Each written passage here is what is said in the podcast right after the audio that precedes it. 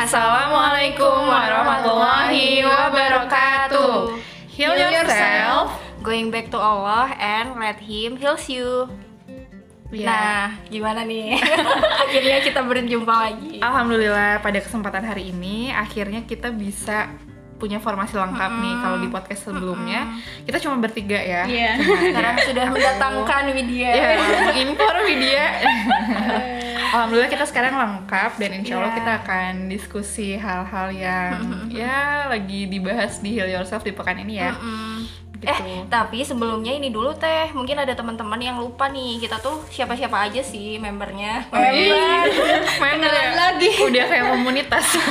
Kayak girl band. Iya, salam kenal teman-teman. Saya Novi Oktaviana Mufti. Mungkin teman-teman lebih akrab dengan eh, Novi Oktavia ya. Saya adalah founder dari healyourself.id dan alhamdulillah sekarang saya ditemani oleh tiga perempuan yang luar biasa. Allah. Iya, yang jadi orang-orang di balik karya yang ada di healyourself.id. Ada siapa aja nih? Hai semuanya, aku Vega. Aku adalah adalah siapa ya? Eh, kalau misalnya teman-teman baca eh, tulisan-tulisan kontemplasi di feeds, alhamdulillah itu karya aku gitu. Jadi eh, di Heal Yourself aku berperan, kok berperan ya, sebagai content writer dan konten kreatif gitu. Selanjutnya selanjutnya. Siapa Eh, tunjuk-tunjukkan. Hai. Hai. Kalau aku Fitri yang bertugas buat eh, desain pitnya, terus kalau ada acara-acara Poster. posternya kayak gitulah aku mah ba- bagian belakang aja. Ya tapi aku kayak pengen ngomong sekali lagi sih karena masih suka ada yang nanya kan font yang kita pakai tuh apa gitu kan. Nah teman-teman mohon maaf ini tuh nggak ada nama fontnya karena Teh Fitri ini membuat semuanya pakai tangan. Wis, Dengan- keren banget pakai dan tangan cinta. Jadi kalau ditanya fontnya namanya apa apa ya Fitri Azia font kali ya. Font sendiri gitu ya. Yang font sendiri. Iya. Yuk selanjutnya. Ini yang paling bontot deh kayaknya. udah udah paling kecil gitu ya. Halo teman-teman, nah perkenalkan saya Widya Rizkyana. Yeay, Nah, selamat datang Lydia. di Heal Yourself, saya bertugas sebagai uh, yang mencoba untuk menuliskan ide-ide Mm-mm, ke dalam sebuah karya. mm-mm. Di feeds Iya, ya. Kalau misalnya teman-teman baca tulisan yang ada slider-slidernya dan muatannya memang rada-rada ilmiah gitu ya, Wir. Nah, itu adalah tulisan-tulisannya Widya. Iya, ilmuwan heal yourself ya. Terlalu berat ya.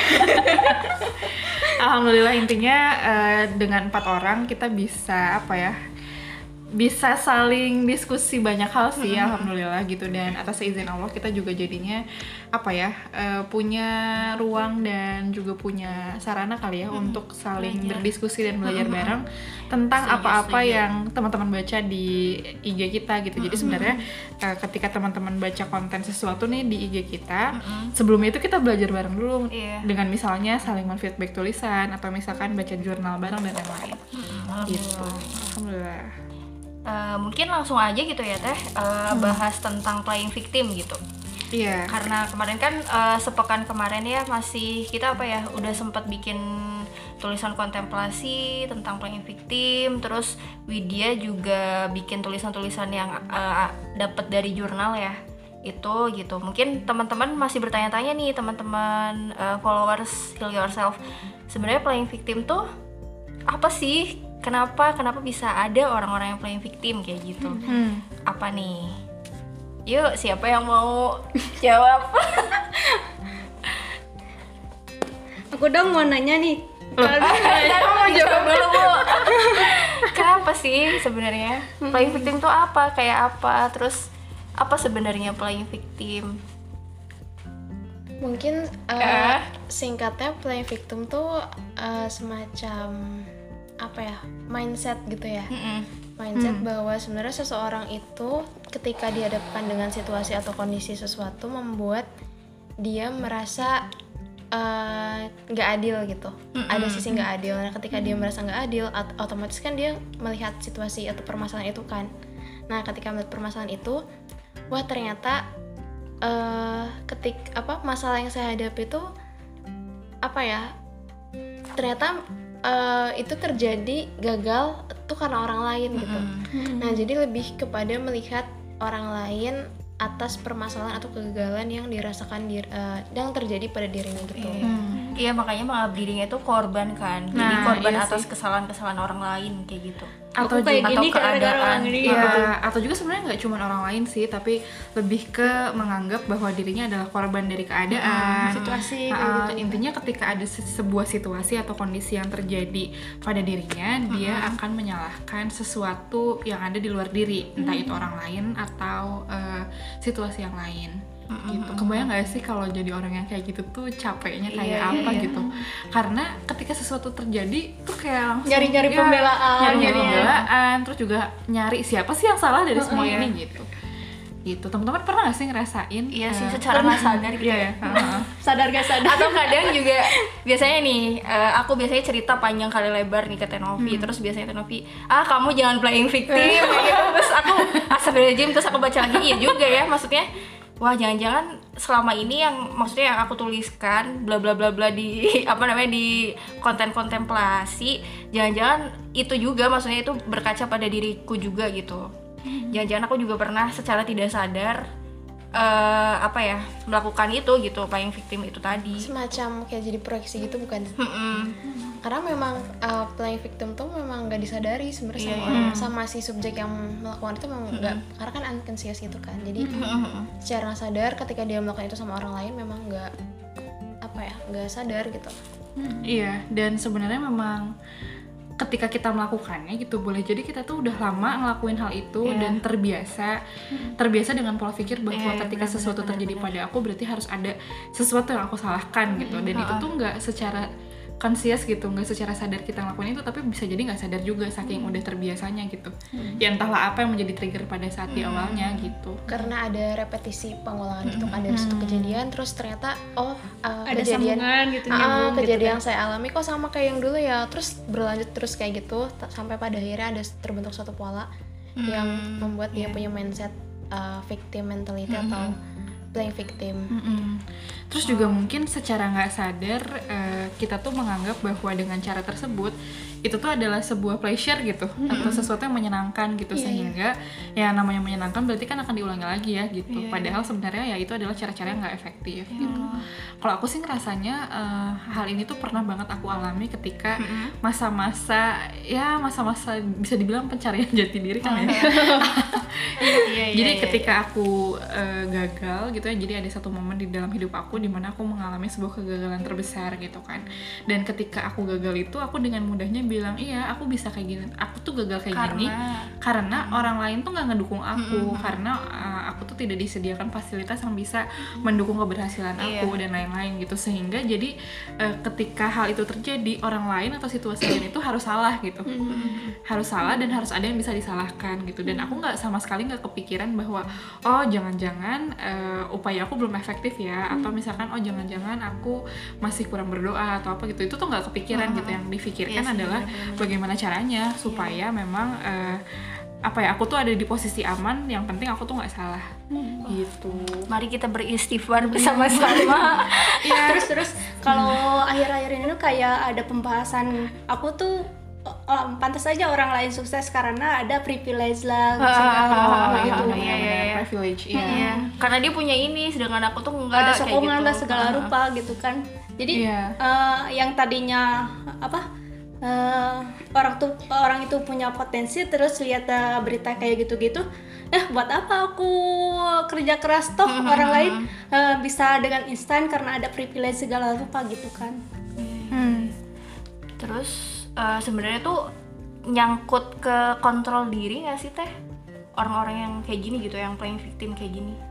Sebenarnya sih mungkin bukan ke kontrol diri dalam artian self control ya gitu, tapi bagaimana eh, seseorang ini punya apa ya mindset tentang pusat kendali terhadap sesuatu. Hmm, gimana tuh, gimana punya tuh? Iya. semacam kendali atas dirinya sendiri gitu Iya.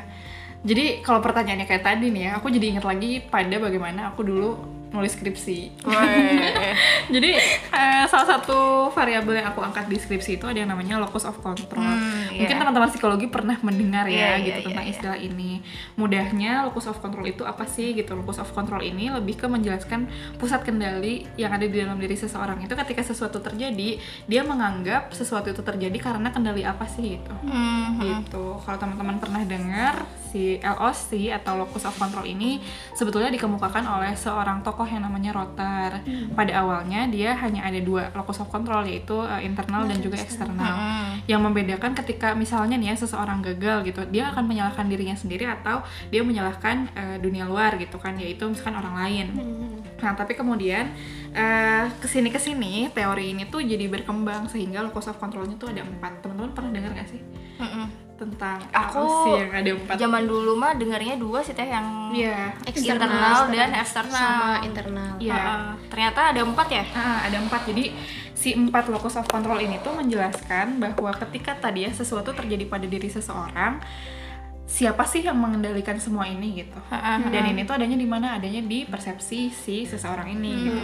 Yang pertama ada yang namanya internal locus of control, yaitu suatu keyakinan bahwa eh, dirinya sendirilah yang menjadi pusat kendali atas segala sesuatu gitu. Jadi jika berhasil karena dia, jika gagal pun karena dia gitu. Jadi eh, apa ya orang tuh cenderung menyalahkan diri sendiri dan ekstrimnya adalah eh, apa ya?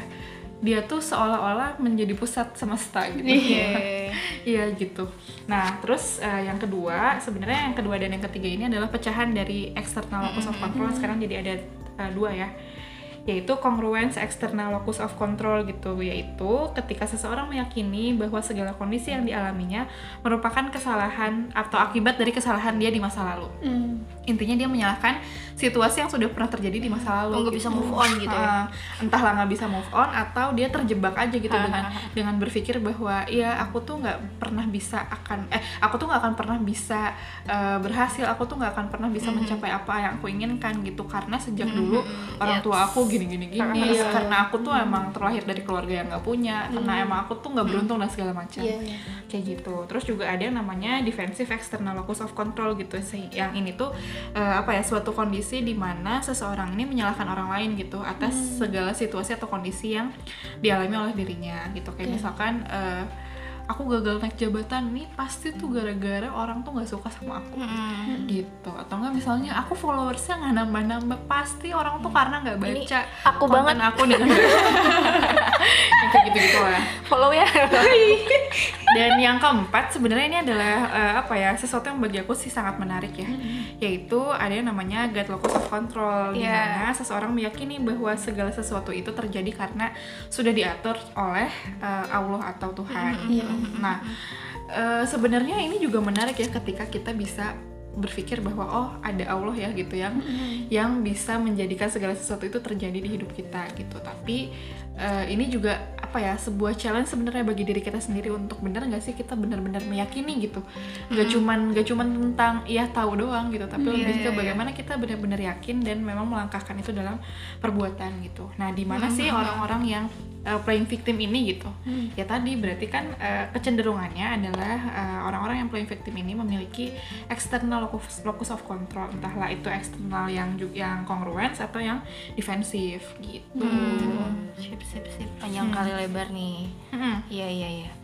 Terus biasanya tuh eh apa ya keadaan pada keadaan-keadaan yang apa-apa aja sih teh yang orang tuh bisa eh, jadi seseorang yang apa ya playing victim gitu. Biasanya sih mungkin karena terdesak atau tertekan atau atau karena dia berpikir there's no options gitu.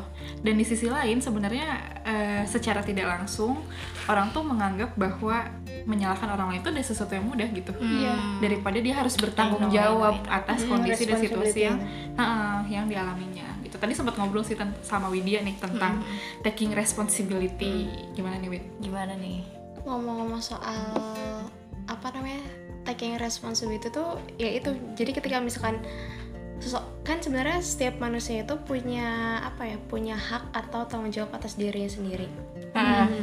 Nah si hak atau tanggung jawab itu tuh sebenarnya itu memang berat gitu kan ya. Ketika Iya. misalkan kita udah ngomong-ngomong tanggung jawab wah berat banget kan kerasanya apalagi sama suatu hal yang memang itu berkaitan sama orang lain. Nah jadi ketika misalkan eh, orang ini merasa tidak mampu mengambil tanggung jawab dari kelompok atau misalnya eh, sik- eh, apa ya istilahnya ya kelompok gitu. Nah orang ini tuh akan cenderung lebih mudah mencari cara untuk menyelamatkan dirinya dengan lari dari tanggung jawab dengan cara menjadi seolah-olah menjadi korban gitu. Jadi jadi menjadikan dirinya itu eh, iya saya nggak bisa ngerjain ini tuh ya gara-gara ya kamu sih nggak bantuin atau misalnya kayak gimana gitu. Nah itu sih sebenarnya lebih kepada tanggung jawab. Padahal kan sebenarnya kalau misalnya kita eh, mikir bahwa sebenarnya kita udah sadar bahwa itu adalah tanggung jawab kita ya udah mau apa pun yang terjadi ya tetap mau nggak mau ya kita ambil. Karena kan kita sudah menyepakati hal itu sebelum sebelumnya di saat misalnya kalau misalkan di organisasi uh, pas screening atau kayak gimana gitu sebenarnya. Kurang lebih sih kayak gitu sih uh, gambaran kayak umumnya. Hmm, iya iya iya. Berarti cukup ini ya, cukup berputar dan cukup lumayan bahaya gitu ya. Kalau tetap dipertahankan gitu pola pikir yang seperti ini kayak gitu. Iya karena ini tuh sangat berkaitan. Maksudnya nggak hanya soal responsibility tapi juga bagaimana kita menyikapi uh, permasalahan gitu di kehidupan sehari-hari gitu kan. Berkaitan sama misalnya amanah-amanah yang sebenarnya kita juga pegang amanah kita sebagai mungkin ke orang lain juga termasuk sendiri-sendiri gitu kan. Gitu. Jadi eh, pada intinya sih kalau misalkan berkaitan sama locus of control yaitu eh, si locus of control ini tuh kan sebenarnya spektrum ya Teh, ya? Hmm, spektrum. maksudnya kita nggak bisa memutuskan dia tuh emang uh, playing victim karena emang locus of control eksternal banget tapi kita bisa berada di tengah-tengah. Kan kalau misalnya kita mengendalikan orang lain juga nggak bagus. Kita mengendalikan misalnya locus of control internal ke diri sendiri juga nggak bagus karena kan itu bisa apa ya kita bisa merasa frustrasi bahkan depresi yang mungkin sampai kayak cemas dan segala macam gitu kan sebenarnya mungkin bukan spektrum ya lebih ke kontinum kali Oh ya. iya, kontinum, nah, itu Iya, dia. dia bergerak dari dari tadi locus of control internal sampai ke gut locus of Ah. control kalau teman-teman bingung membayangkan spektrum ini kayak kurva gitu kan Iya, ibaratnya kayak kurva atau pendulum. Pernah tahu nggak sih pendulum Iya, yang iya. gerak-gerak gitu Iya. kan? Nah, iya. Sebenarnya si locus of control ini tuh juga bergerak gitu. Eh tadi kayaknya Widya sempat nge ini ya nyebutin depresi gitu. Nah aku mau nanya nih, eh, sebenarnya tuh orang-orang yang playing victim ini tuh cenderung mudah depresi atau enggak sih teh? Sebenarnya kalau dibahas apakah lebih cenderung depresi atau enggak, sejujurnya aku belum menemukan eh, jurnal atau penelitian yang mengatakan hal tersebut. Tuh, jadi nggak bisa judgement juga nih apakah memang benar orang-orang yang playing victim ini cenderung eh, lebih rentan depresi atau tidak gitu. pada tapi sebenarnya pada intinya sih lebih rentan terkena terkena ya gangguan psikologis gitu sih Mm-mm. kita nggak bisa ngejudge depresi atau gangguan tapi intinya lebih rentan terkena kayak misalkan gangguan-gangguan psikologis Stres misalnya. ya gitu itu yang paling rendah mungkin ya maksudnya Iya. yang Iya iya iya, iya. yang masih fase-fase awalnya kayak gitu ya. Hmm. kayak krisis gitu loh Iya, rentan mengalami krisis, tapi nggak tahu juga nih apakah itu tuh ujungnya adalah depression atau misalkan gangguan psikologis yang lain. harus gitu. dilihat Iya. dinamika orang ini dalam menyikapi si masalah itu kayak gimana baru kita bisa bilang Mm-mm. gangguan atau apalah segala itu Mm-mm. Hmm, siap siap siap. Gitu. Ada pertanyaan lain mungkin dari Fitri? Terus kan kalau misalkan aku nih misalkan Hmm. eh, udah eh, terbiasa nih playing victim atau segala rupa. Nah, aku gimana nih eh, lepas dari kebiasaan itu Hmm. gitu. Sebenarnya aku nggak punya jawaban teoritis ya tentang hal ini, tapi lebih ke pengalaman aja Iya, kali iya. ya. Jadi sekitar 3 atau 4 tahun yang lalu gitu ya, aku tuh pernah ngikutin salah satu pelatihan. Kalau aku sebut ya mungkin eh, ada Pada juga tahu, banyak teman-teman yang tahu tentang pelatihan ini. Yang jelas eh, salah satu muatan atau salah satu apa ya eh, pembelajaran yang aku dapat dari eh, pelatihan ini adalah mengajarkan aku bagaimana nge-switch antara eh, mental yang tadi playing victim kepada mental yang bertanggung jawab. Oh iya iya. Nah, jadi eh, yang aku rasakan ketika hal itu aku dapatkan gitu ya. Pertama harus sadar dulu gitu bahwa oh ternyata memang eh, yang sedang aku lakukan ini adalah playing victim. Dan aku eh, apa ya menyadari bahwa ini tuh adalah sesuatu yang tidak efektif. tidak efektif ini lebih ke ternyata capek ya kayak gitu gitu. Ternyata aku tuh eh, telah membuang banyak waktu dan energi hanya untuk memikirkan sesuatu yang sebenarnya ketika aku konversi menjadi energi yang lebih positif kayaknya itu akan jauh lebih baik gitu. Iya. Tapi karena aku terus menerus memikirkan bahwa iya pokoknya dia salah banget nih, pokoknya hidup gue kayak gini gara-gara dia nih dan lain-lain gitu. Itu tuh kan capek banget gitu. Iya. Dan ketika apa ya gimana sih cara switchingnya? Pertama menyadari dulu gitu bahwa uh, kita sedang melakukan kesalahan dan bahwa memang uh, si playing victim ini tuh telah terjadi di dalam diri kita Iya, dan iya. itu tidak apa ya menjadikan sesuatu yang merugikan bagi diri kita gitu. Dan yang selanjutnya adalah uh, mulai beranjak gitu untuk bisa ber apa ya bermental tanggung jawab tadi gitu bahwa jadi berpikir oh enggak sih sebenarnya segala sesuatu yang terjadi pada diri aku itu adalah atas dasar ketetapan Allah yang memang aku mesti bertanggung jawab nih atas segala sesuatu yang Allah hadirkan gitu. Bukan yang jadi menyalahkan orang lain gitu apalagi menyalahkan takdir misalnya. Itu kan PR banget ya gitu Iya, jadinya gitu. Jadi ya memang eh, kesadaran itulah yang harus dimunculkan dulu dan tadi apa yang nge-build up atau menumbuhkan Rasa mental tanggung bertanggung jawab. gitu. Iya sih, pokoknya di mana-mana tuh kayak apa ya segala permasalahan yang ada di pikiran kita, yang di ada yang ada di diri kita, yang yang ada di hati kita itu harus diawali benar-benar dari si kesadaran itu tadi gitu. Nah, gimana kita mau bisa move on gitu? Gimana kita mau bisa lebih baik daripada yang sebelum-sebelumnya gitu kalau misalnya kita tuh nggak sadar gitu. Jadi amat sangat penting ini ya eh, bisa digaris bawahi teman-teman sadar diri dan apa ya banyak-banyak ini sih berkaca diri gitu. Kira-kira jangan terus-terusan menyalahkan orang lain. Bisa jadi itu tuh kesalahan itu ada pada diri kita sendiri gitu. Ya kan? Maksudnya kan kalau misalnya mental korban ini kan lebih sering nyalahin orang lain kan? Kayak yang udah dijelasin sama Tenovi sama Widya tadi gitu. Kalau gimana? dari yang lain ada tambahan nggak? Gimana caranya untuk menumbuhkan mental bertanggung jawab gitu dari pengalaman misalnya gitu? sebenarnya mungkin yang paling penting itu adalah sadar dulu ya. Karena kan ketika kita nggak sadar berarti ya udah kita nggak akan pernah tahu kesalahan kita di mana gitu. Iya. terus kedua yang yang pertama yang tadi disebutin sama Tenovi yang apa ya kita punya kepercayaan terhadap bahwa sebenarnya segala sesuatu itu memang sudah ditetapkan Iya. gitu kan. Terlepas dari hal itu juga kita menyikapi segala sesuatu ya biasa aja. Maksudnya biasa aja tuh nggak kurang nggak lebih gitu. Maksudnya ketika ada kesalahan atau kegagalan dari uh, entah itu karena orang lain atau misalkan karena diri sendiri ya kita evaluasi oh ternyata dari orang iya. lain. Oh ya udah mungkin nanti saya harus berhati-hati lagi atau kayak Iya, gimana. iya, intinya berarti menyikapi segala sesuatu dengan apa ya dengan kita kayak berada di tengah-tengah gitu loh. Nggak juga menyalahkan orang lain tapi juga kita melihat kepada diri sendiri gitu bahwa sebenarnya oh ya Mhm. kalaupun memang itu ada di ada di kesalahan orang lain ya udah mungkin kita bisa memperbaiki hal itu gitu. Jadi itu kan malah membuat relasi kita sama orang jadi baik gitu. Maksudnya Iya, iya, jangan iya, sampai iya, iya. Dan kita juga yang paling penting nggak merasakan capek atau exhausted gitu loh teh. Jadi emotionally emotionally draining yang membuat kita tuh justru itu makin mudah kita rentan gitu. Iya sih aku setuju sama Widya. Intinya kayak kita bisa melihat sudut pandang orang lain gitu ya. Jangan hanya terkungkung dengan pemikiran-pemikiran yang ada di di dirinya kita sendiri kayak gitu.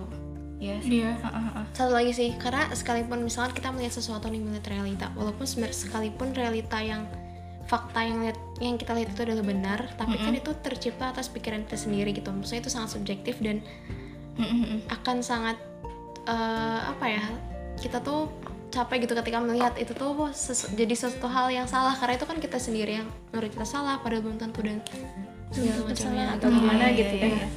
Terus juga ini sih, eh, aku nggak tahu seberapa nyambungnya ayat ini terhadap eh, konteks pembahasan kita sekarang gitu. Tapi obrolan ini tuh membuat aku ingat pada surat Al-Anfal ayat ke-53.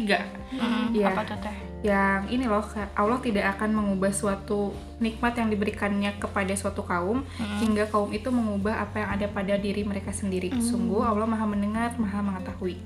Jadi memang eh, apa ya? Intinya kan kita tidak akan bisa mengubah sebuah kondisi gitu kecuali memang kita bergerak untuk mengubahnya gitu. Iya, iya. Dan tadi ketika misalnya kita sadar nih kita sedang playing victim, kemudian kita tidak bergerak untuk bisa mengubah kondisi itu gitu.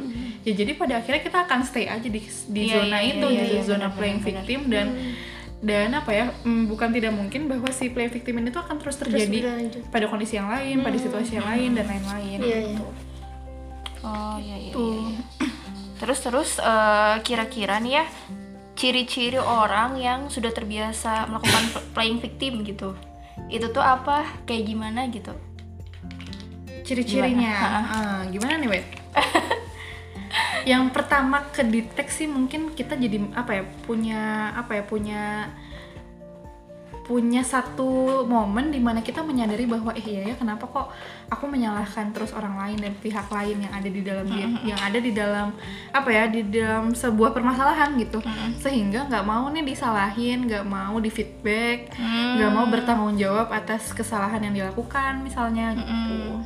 Itu sih sebenarnya yang paling kerasa banget. Hmm. paling kontras gitu ya Ah, kelihatan. ketika kita misalkan ngomongin soal manipulasi itu kan apa ya obrol apa ya sesuatu hal yang mungkin agak sulit juga kita kita memahami dinamikanya gitu tapi yang sebenarnya yang paling jelas dari tanda-tanda orang yang punya mental apa mental victim atau playing victim adalah eh, dalam eh, dalam beberapa situasi dia menyalahkan orang lain gitu lah menyalahkan eksternal gitu ya istilah kerennya blaming others gitu Nah, loh. iya. Mm-mm. gitu terus sebenarnya Ya, ya, eh, ya, ya. soal playing victim ini tuh ada ada sesuatu yang aku pikir sih ini beririsan juga gitu. Teman-teman pernah baca nggak sih bukunya Prof. Renald Kasali gitu? Aku lupa judulnya apa tapi aku inget covernya tuh warna merah. Apa ya? Intinya di buku itu tuh bahas tentang eh, mental driver versus iya, mental passenger. Oh iya gitu. Pernah naik angkot nggak pernah. Pernah dong. Atau enggak kalau nggak angkot ya zaman sekarang apa ya naik ojek online misalkan. Naik damri. Ya katakanlah naik damri gitu. Nah ini tuh sebenarnya eh, yang aku pahami adalah mengajarkan kita bagaimana punya mental bertanggung jawab. Ibaratnya gini kalau misalkan atau tadi deh pas pertama Ipit sama Vega datang Ipit tuh bilang aku tuh kalau di diboncengin Oh. tuh jauh lebih capek gitu iya kan. iya kayak iya gitu. iya iya. Nah sebenarnya justru itu kondisi yang tidak lumrah ya. Bahkan orang tuh pada umumnya diboncengin tuh enak gitu. Iya banget sebenarnya logikanya gitu kan. Dia mentalnya mental driver. Iya itu kan mental, kaki motoris sih driver. mental driver banget gitu. Istilahnya gini lah ketika kita naik angkot atau ojek online atau transportasi apa pun gitu dan kita menjadi penumpang gitu sebenarnya kan enak banget ya santai gitu. Bisa Iya. main handphone bisa lihat Om, eh, pemandangan eh, menikmati, menikmati- semilir angin. Iya, terus bisa apa berkontemplasi biasanya kan ya enak banget ya nulis di kereta gitu gitu. Iya, benar. nah sebenarnya itu kan eh, apa ya satu kondisi di mana kita tuh tidak harus memikirkan ini jalan mau lewat mana beloknya ke mana ngegasnya seberapa ngikutin iya. inilah Iya. yang bawa motornya gitu. Ya ya kecepatannya harus berapa Iya, gitu iya, kita iya. nggak mesti memikirkan itu gitu. Dan ketika kita punya mental passenger itu kita bahkan bisa berlepas diri gitu tentang ah bodo amat sih drivernya mau ngapain gitu kan. Gitu yang penting aku misalnya bisa tidur di jalan kayak gitu kan gitu. Nah eh, ada hal yang lain di mana mental yang lebih baik adalah mental driver gitu di mana kita tuh bertanggung jawab atas bagaimana kendaraan ini akan berjalan kecepatannya harus berapa dan yang lain gitu. Nah, kalau kita analogikan atau kita tarik nih si mental driver versus mental passenger ini kepada topik obrolan kita malam ini, sebenarnya eh, bagaimana caranya kita untuk bisa bertanggung jawab alih-alih menjadi orang yang paling victim adalah dengan menumbuhkan mental driver tadi gitu. Hmm. Dan kalau dari bukunya Prof Renald Kasali itu sebetulnya ada empat poin yang menjadi prinsip seorang driver. Nah. Yang mungkin ini bisa kita apa ya? Bisa kita tanamkan gitu ya atau aplikasikan ke Kita sendiri. maknai. Hmm. Pertama, kalau kata Prof. Renald, orang yang punya mental driver itu adalah orang yang penuh inisiatif. Jadi namanya orang yang penuh inisiatif kan berarti dia nggak nunggu ya gitu. nggak nunggu diperintah Ah, atau apa gitu ya. nggak wah aku nunggu- banget nih. Amin. Amin. nggak nunggu ini nggak nunggu situ- situasi buruk dulu gitu baru dia baru dia melakukan sesuatu gitu. Tapi lebih ke eh, bekerja aja tanpa ada yang nyuruh terus juga berani mengambil langkah yang beresiko dan responsif juga ini cepat membaca gejala gitu kayaknya ini ada sesuatu nih dan aku harus bergerak gitu.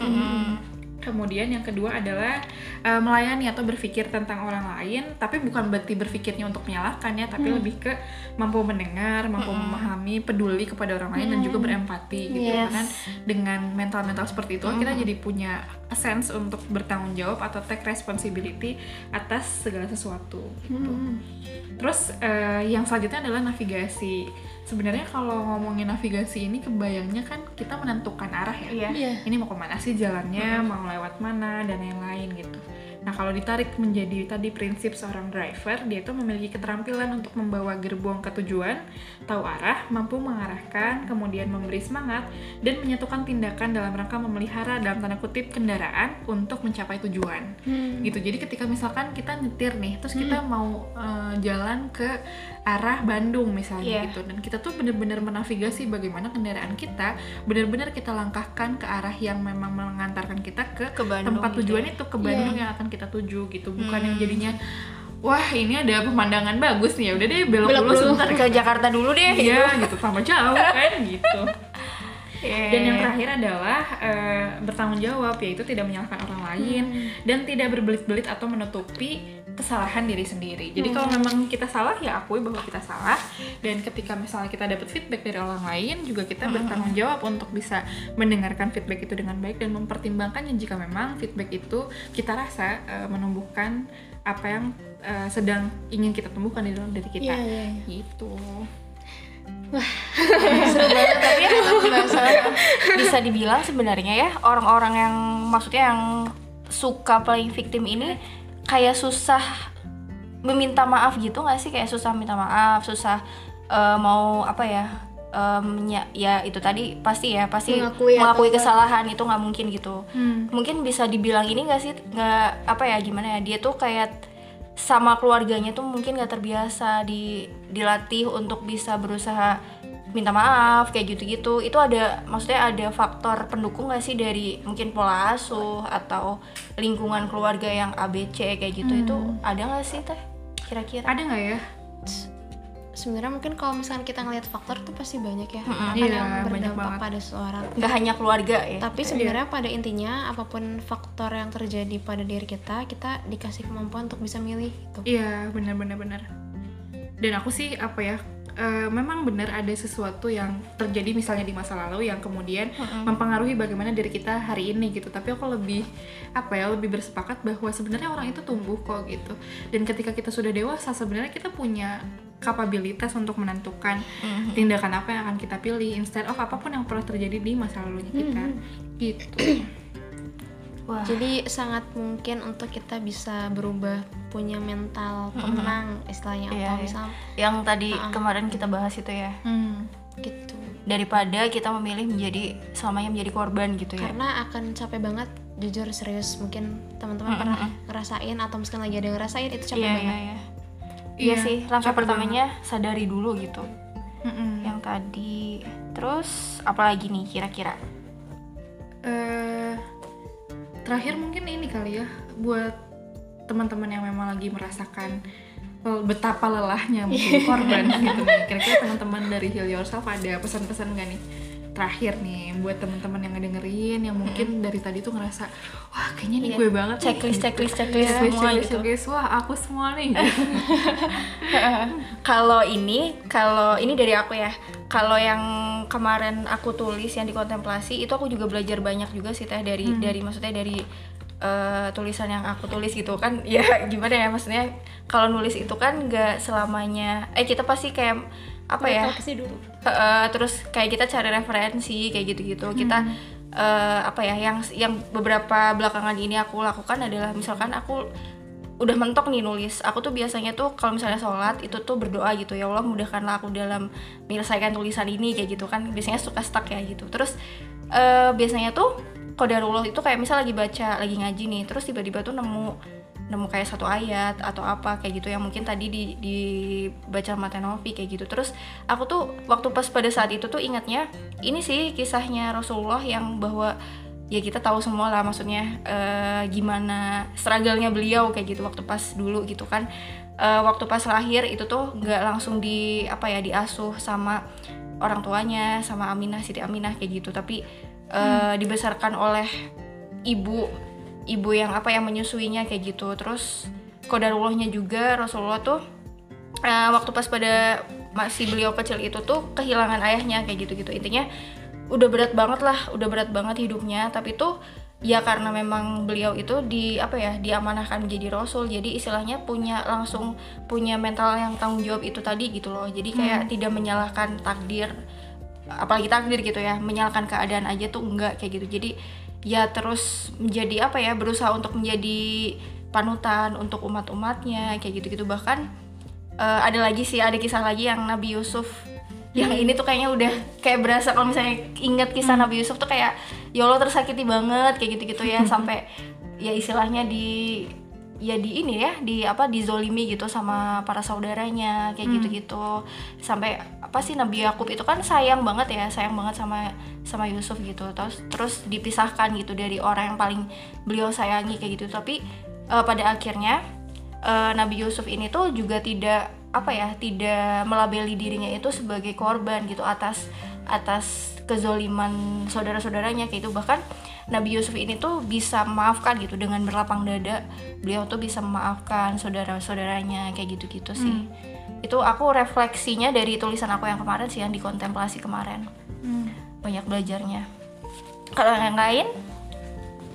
Sebenarnya sih apa ya apa pun masalah kita maksudnya apa pun yang terjadi yang punya intinya intinya yang harus kita ingat adalah yang punya kendali atas diri kita itu cuma diri kita sama Allah gitu Mm-mm. jadi ketika misalkan itu memang salah ya udah kita bisa meng- mengambil sikap untuk bertanggung jawab mencoba mungkin itu nggak mudah kali ya tapi kita bisa melakukan pembiasaan ya dengan karena kita udah sadar gitu kan da- dari pembahasan yang tadi mungkin kita obrolin gitu ya dan teman-teman dengerin yang karena ini udah apa ya membuat kita jadi lebih sadar ketika udah kita udah sadar eh, apa ya kita akan jadi lebih mudah untuk mengambil sikap memilih mana yang sebenarnya eh, baik untuk kita gitu untuk mental kita juga tentunya gitu.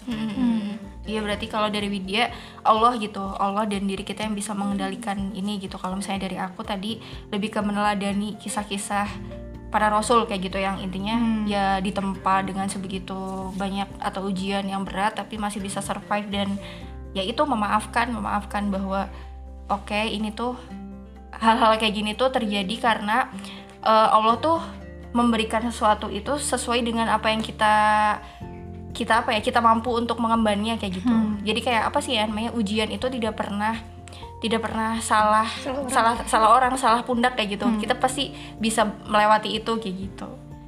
Gitu. Pit gimana?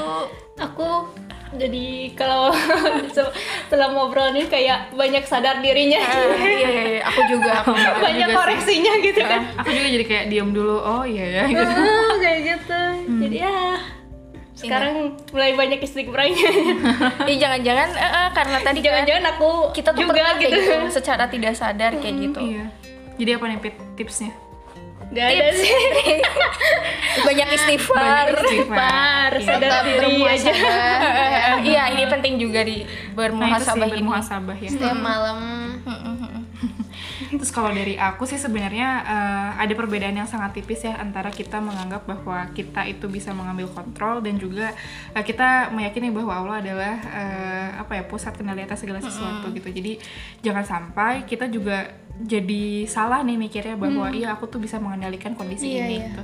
Yang bisa kita lakukan itu adalah mengambil Iya. sikap sebenarnya, mengambil sikap bukan mengontrol segala sesuatu gitu. kontrol sama Allah gitu ya Iya karena kita kita. tidak pernah memiliki kontrol atas segala sesuatu yang kita bisa lakukan hanyalah tadi mengambil sikap dan mencoba untuk ber apa ya bereaksi positif terhadap sebuah keadaan gitu. Dan bagaimana sih caranya kita bisa bereaksi positif ini gitu? Kalau aku sih eh, tipsnya adalah dengan menanyakan satu pertanyaan kepada diri sendiri. Hmm. yaitu ketika sesuatu terjadi apa ya yang bisa saya lakukan? Hmm, gitu. Apa yang bisa dilakukan tuh jadi lebih ke bagaimana respon terbaik kita terhadap kondisi ini gitu. Iya. Ketika kondisinya sudah terjadi, situasinya sudah terjadi, dan sering kali situasi dan kondisi itu adalah sesuatu yang benar-benar di luar kendali kita gitu. Iya. Kita tidak melakukan apa pun, tiba-tiba itu terjadi aja gitu. Kenapa sih bisa kayak gitu ya? Balik lagi karena Allah maha berkehendak atas diri kita gitu. Allah lah yang paling tahu bagaimana menumbuhkan diri kita dengan memberikan ujian atau eh, tantangan-tantangan tertentu di dalam hidup kita gitu. Dan ketika kita bertanya kepada diri sendiri, apa ya yang bisa saya lakukan gitu Iya.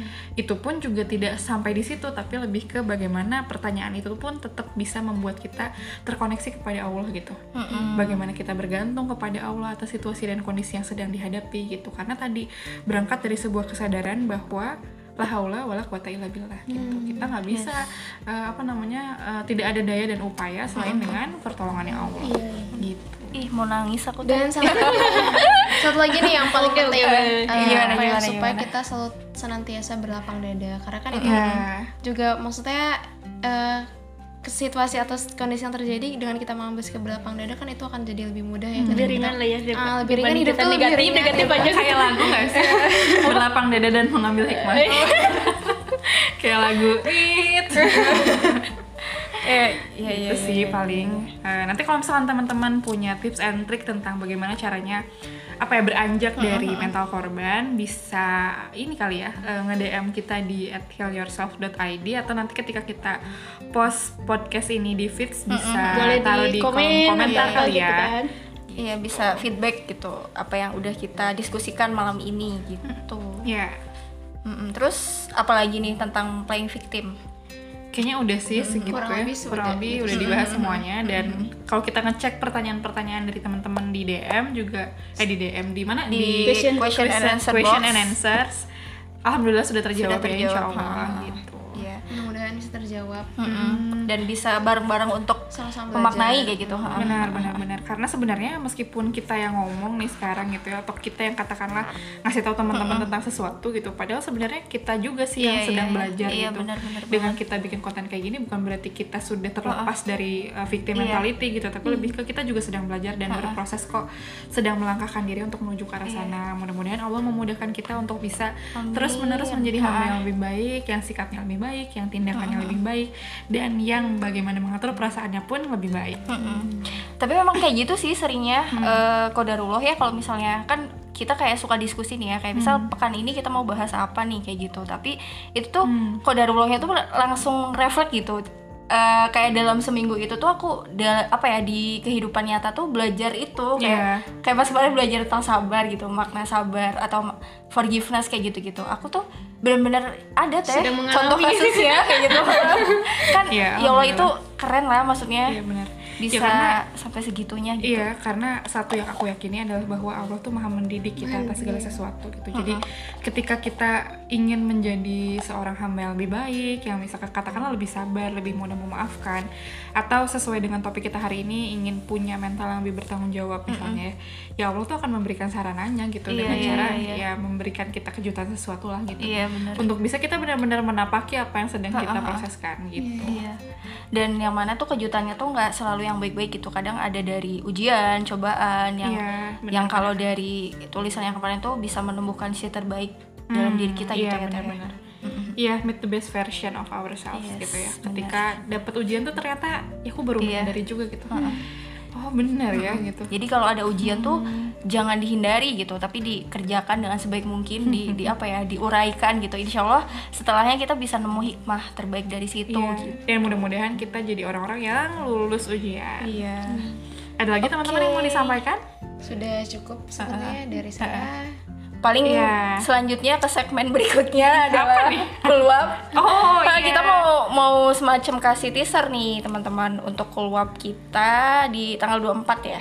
Ya, di tanggal 24 Juli itu hari Jumat ya, jam 19.30 kita tuh bakalan bahas tentang apa coba? kurban perasaan ya Iya soalnya iya iya iya, iya. kita tuh kalau kalau nanya momen gitu kan. iya, momen Idul Adha gitu ya suka ada nanya gini kan kurban apa tahun Iya, ini iya. kurban perasaan, Perasaan. gitu. kayak joke sepanjang za- zaman gitu tapi gimana sih Padahal tuh sebenarnya? enggak gitu ya. Iya. Sebenarnya berangkatnya si ju- judul ini juga dari ini sih kayak pertanyaan-pertanyaan Tenovi gitu.